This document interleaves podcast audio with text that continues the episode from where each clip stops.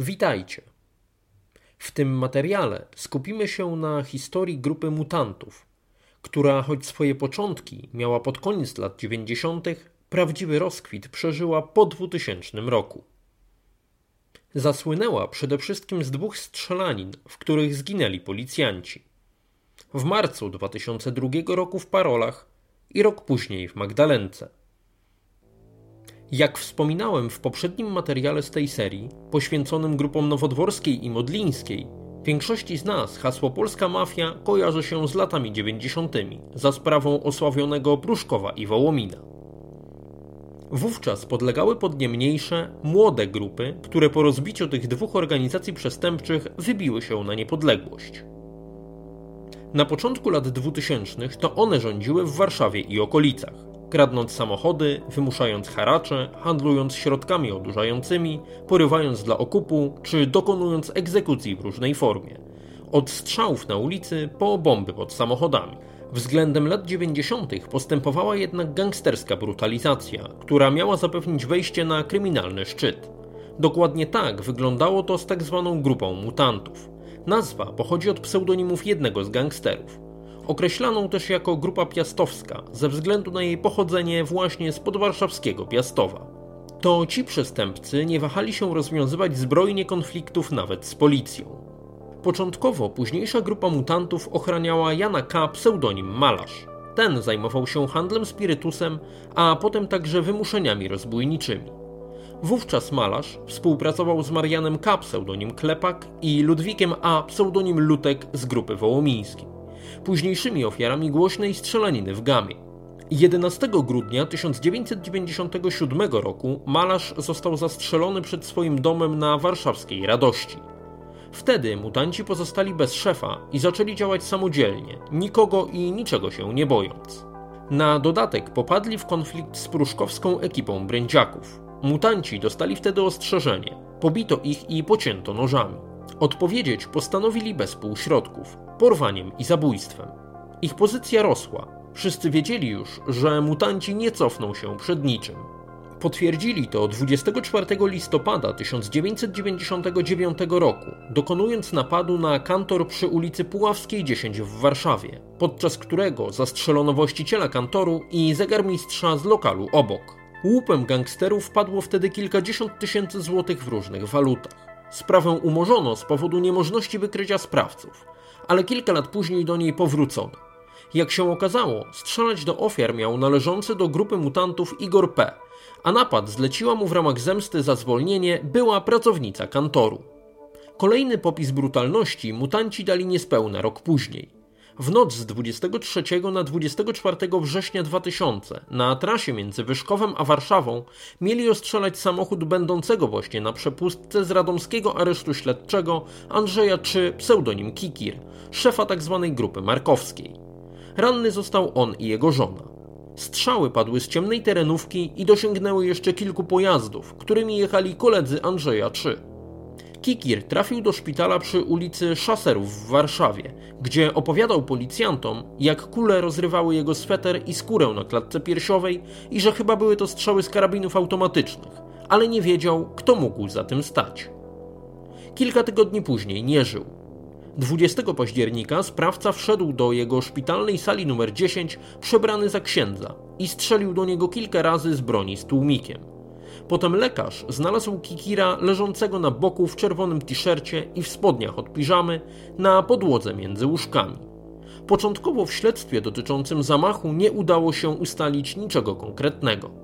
Dopiero po kilku latach na współpracę z prokuraturą zdecydowali się niektórzy członkowie gangu mutantów. I tak Mirosław K., pseudonim Miron, został świadkiem koronnym, a Rafał T., pseudonim Toady, małym świadkiem koronnym.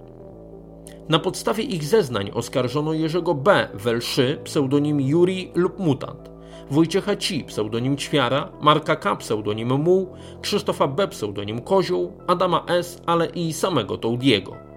Adam S miał kierować samochodem, z którego ostrzelano na trasie Kikira. Strzelali natomiast Mutant i Albert P, pseudonim Alik. Swoją drogą Alik zginął pół roku później, ale zanim to nastąpiło, właśnie on miał przyjść do Kikira do szpitala. Dla mutanta i ćwiary prokurator chciał dożywotniego pozbawienia wolności, a dla Muła i Adama S. po 25 lat za kratkami. Toady jako mały świadek koronny miał usłyszeć wyrok 3 lat pozbawienia wolności. Problem w tym, że 18 lat po zamachu na Kikira sąd uniewinnił oskarżonych, bo uznał, że nie ma wystarczających dowodów na to, że to grupa mutantów stała za atakami na Andrzeja czy.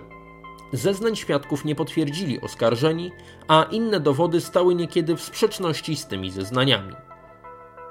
Mutanci z czasem byli coraz bardziej pewni siebie, brutalni i kreatywni. Jako, że do grupy należeli głównie zawodowi zabójcy, ale i złodzieje samochodów, a nawet były policyjny antyterrorysta, sposób działania był jasno określony. Każdy konflikt rozwiązywano egzekucją. Tak gangsterzy stali za kilkunastoma zabójstwami, do których doszło w ramach starć o wpływy, m.in. z grupą pruszkowską, mokotowską czy wołomińską. Przez pomyłkę zdarzyło im się nawet zastrzelić 16-letniego chłopaka. Najgorszą sławę gangowi mutantów przyniosły jednak dwie sytuacje. 23 marca 2002 roku na jednej z posesji w Parolach nieopodal Warszawy, w powiecie pruszkowskim, gminie Nadarzyn, ujawniono tira z kradzionym sprzętem RTV, wartym niemal milion złotych. Przybyli na miejsce policjanci, zabezpieczyli pojazd i ładunek na naczepie. Kiedy odbić towar, przyjechali uzbrojeni gangsterzy. Doszło do strzelaniny, w wyniku której zginął podkomisarz Mirosław Żak, naczelnik sekcji kryminalnej Komendy Powiatowej Policji w Piasecznie, a kilku przestępców zostało rannych. Te wydarzenia wywołały natychmiastową reakcję służb. Przez kolejne dwa lata następni gangsterzy byli albo zatrzymywani, jak brat Jerzego B. Welszy pseudonim Mutant, czyli Mirosław Szy pseudonim Szuras, który wpadł podczas napadu na listonoszkę w Grodzisku Mazowieckim. Swoją drogą przebywał już na wolności. Albo ginęli w strzelaninach z policją. Tak stało się z byłym antyterrorystą Krzysztofem M. pseudonim Fragles. Niestety po stronie organów ścigania również nie obyło się bez ofiar. W nocy z 5 na 6 marca 2003 roku podjęto próbę zatrzymania dwóch gangsterów grupy mutantów Igora P. wel Aleksandra W. i Roberta C. pseudonim Cieluś, którzy ukrywali się w domu przy ulicy Środkowej w podwarszawskiej Magdalence. Przestępcy byli bardzo dobrze przygotowani na szturm. Posiadali aż 29 jednostek broni, w tym pistolety samopowtarzalne, pistolety maszynowe, karabinki automatyczne, sztucer, strzelbę, a także granaty. Na posesji rozlokowali miny oraz fugasy, prowizoryczne ładunki wybuchowe wypełnione śrubami, gwoźdźmi, nakrętkami i innymi drobnymi metalowymi elementami. W wyniku starcia na miejscu zginął antyterrorysta, podkomisarz Dariusz Marciniak, a w szpitalu dowodzący akcją komisarz Marian Szczucki. 17 funkcjonariuszy zostało rannych. Igor P. i Robert C. również nie przeżyli. Zatruli się dwutlenkiem węgla, który uwolnił się w wyniku pożaru po wybuchach i ostrzale. Przyczyn klęski policji w Magdalence było wiele. Przede wszystkim pododdział antyterrorystyczny nie otrzymał wystarczających informacji co do tego, że gangsterzy mogą posiadać duże ilości broni palnej i materiałów wybuchowych. Zabrakło też rozeznania w kwestii doświadczenia wojskowego Igora P., a także jego udziału w co najmniej siedmiu zabójstwach na zlecenie oraz podłożeniu ładunku wybuchowego pod dom białoruskiego milicjanta. Dodatkowo plan posesji i domu został źle rozrysowany, co spowodowało konieczność niespodziewanej zmiany rozstawienia i ról poszczególnych funkcjonariuszy. W końcu przeprowadzono niewystarczające rozpoznanie i obserwację, przez co nie zauważono przygotowania posesji przez przestępców do szturmu poprzez ukrycie min, fugasów i innych materiałów, do których detonacji położono nawet okablowanie. Na domiar złego gangsterzy najprawdopodobniej zauważyli antyterrorystów wkraczających na posesję. Funkcjonariusze byli też niewystarczająco wyposażeni. Nie posiadali karabinów wyborowych, karabinów maszynowych czy granatników. Na miejscu nie było nawet karetki pogotowia.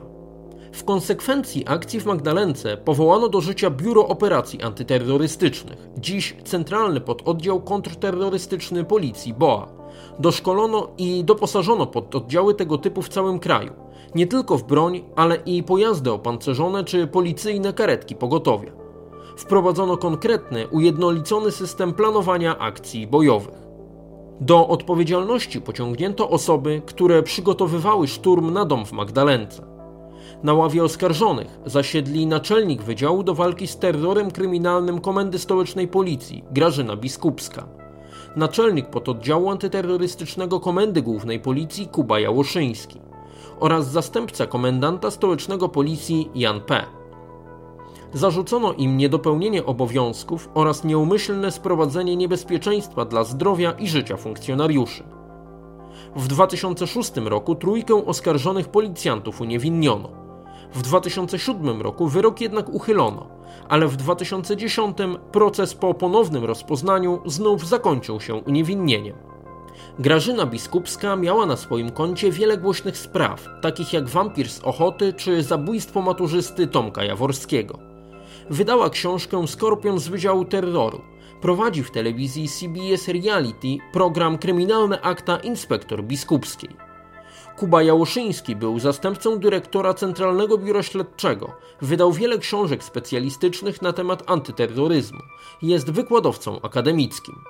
Wydarzenia związane z grupą mutantów, w tym strzelaniną w Parolach i strzelaniną w Magdalence, pokazano w serialu Patryka Wegi Pitbull z 2007 roku.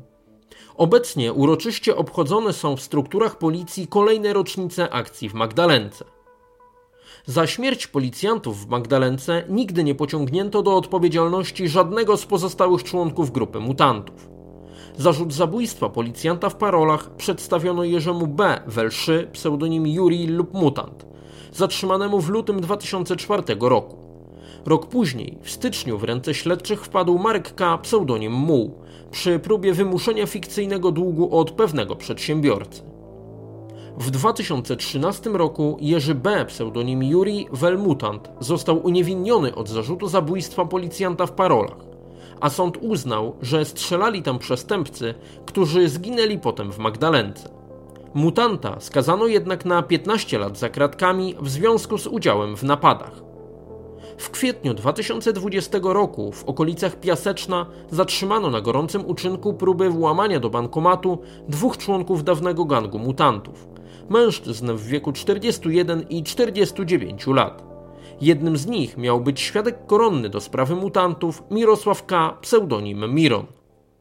To wszystko na dziś. Jeśli ta historia była dla Was interesująca, zostawcie łapkę w górę i podzielcie się swoimi opiniami w komentarzach poniżej.